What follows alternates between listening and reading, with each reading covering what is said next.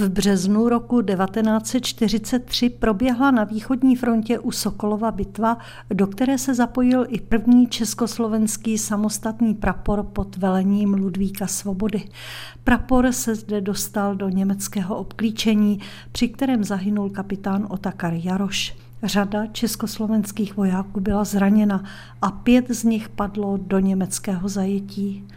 Německá propaganda je na podzim roku 1943 donutila vystoupit v Praze na tiskové konferenci a v protektorátním rozhlase. Jejich výpovědi uslyšíte v dnešním díle pořadu 100 příběhů z protektorátu.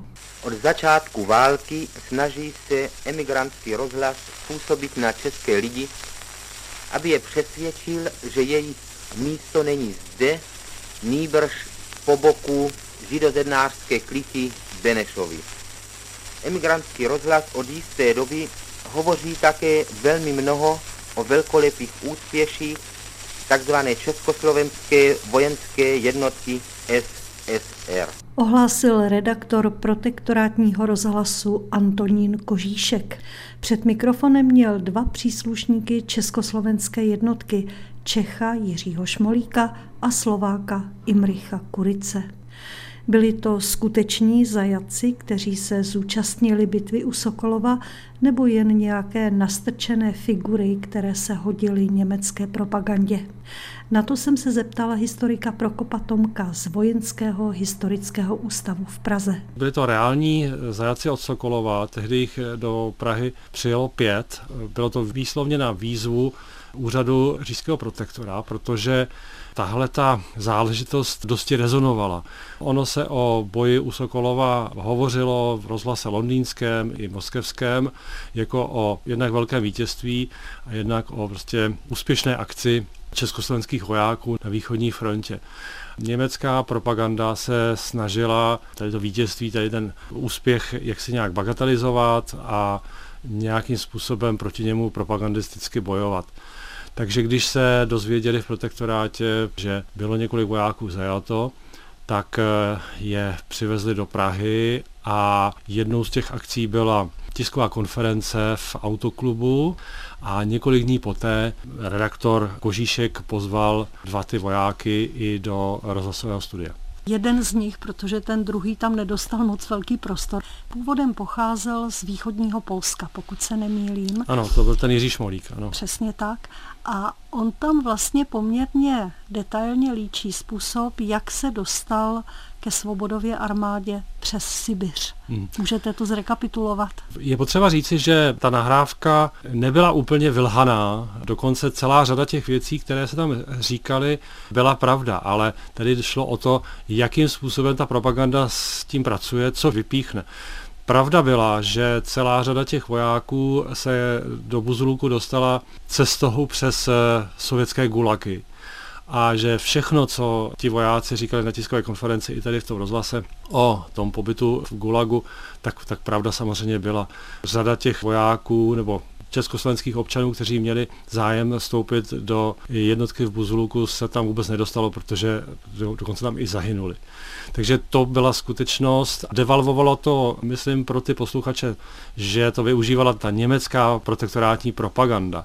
Tím pádem je otázka, jak to bylo přijímáno. Očekával bych, že to posluchači brali s rezervou a že tomu nevěřili už jenom proto, že to používali protektorátní novináři. Redaktor Kožíšek se detailně vyptával na poměry u československé jednotky. Teď, když jste přijel do Buzuluku, tak jsem probil 14 dní v karanténě, odděleně, aby jsme nezanesli břišní tyfus, který tam byl asi hodně rozšířen. Nebo...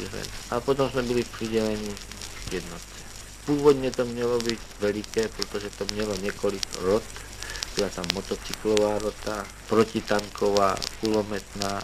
To tam všechno mělo být. To ale... tam všechno mělo být, v každé té rotě bylo několik lidí. Čekalo se, že jich bude víc. Že jich bude více. To bylo v dubnu 1942. No A co jste dělali až do doby, kdy byl boj u Sokolovky? Prodělali jsme usilovný výcvik.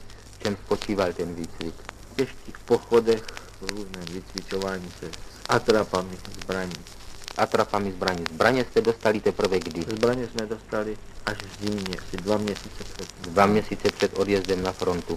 Tam se taky hovoří o tom, že údajně na samém začátku bylo v té armádě, pokud tak o ní můžeme mluvit, víc důstojníků než vojáků. Je to pravda? Z protektorátu utíkali nejprve specialisté, dokonce když si vezmeme rok 1939, tak přes Polsko velká část byli třeba letci. To znamená především ti vojáci, kteří pro tu svoji specializaci mohli být dobře využitelní v zahraničí. Takže to samozřejmě pravda je. Pravda taky je, že vlastně nikdo z těch pěti vojáků, kteří přišli do protektorátu jako váleční zajaci, tak nebyl protektorátním občanem. Někteří byli především volinští Češi. Z těch se rekrutovala potom v těch dalších letech do konce války převážná část toho československého sboru v Sovětském svazu. Tam zazněl poměrně detailní popis, jak vlastně ta bitva u Sokolova probíhala. Hmm.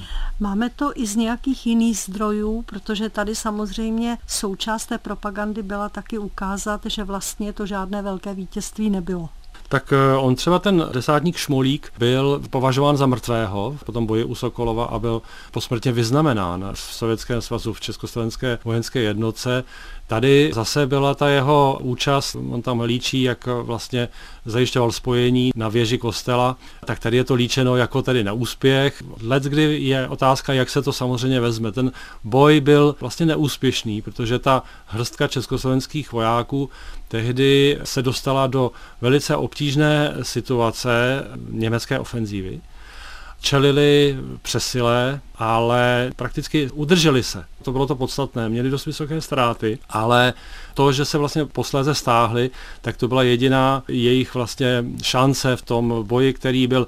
Druhá věc, která tam je třeba zmiňována, jsou ty poměry materiální a poměry ve vyzbrojení té československé jednotky.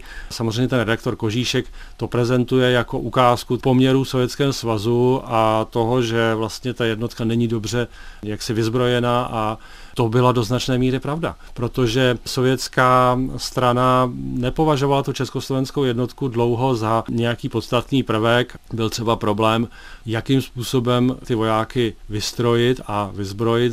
Původně se dokonce myslelo, že ta výzbroj bude britská, což nebylo reálné.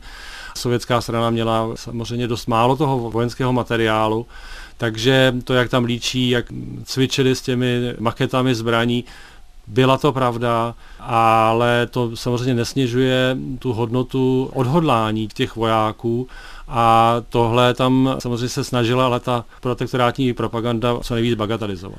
Říká historik Prokop Tomek z Vojenského historického ústavu. Náš dnešní pořad z cyklu 100 příběhů z protektorátu končí. Loučí se s vámi jeho autorka Milena Štráfeldová.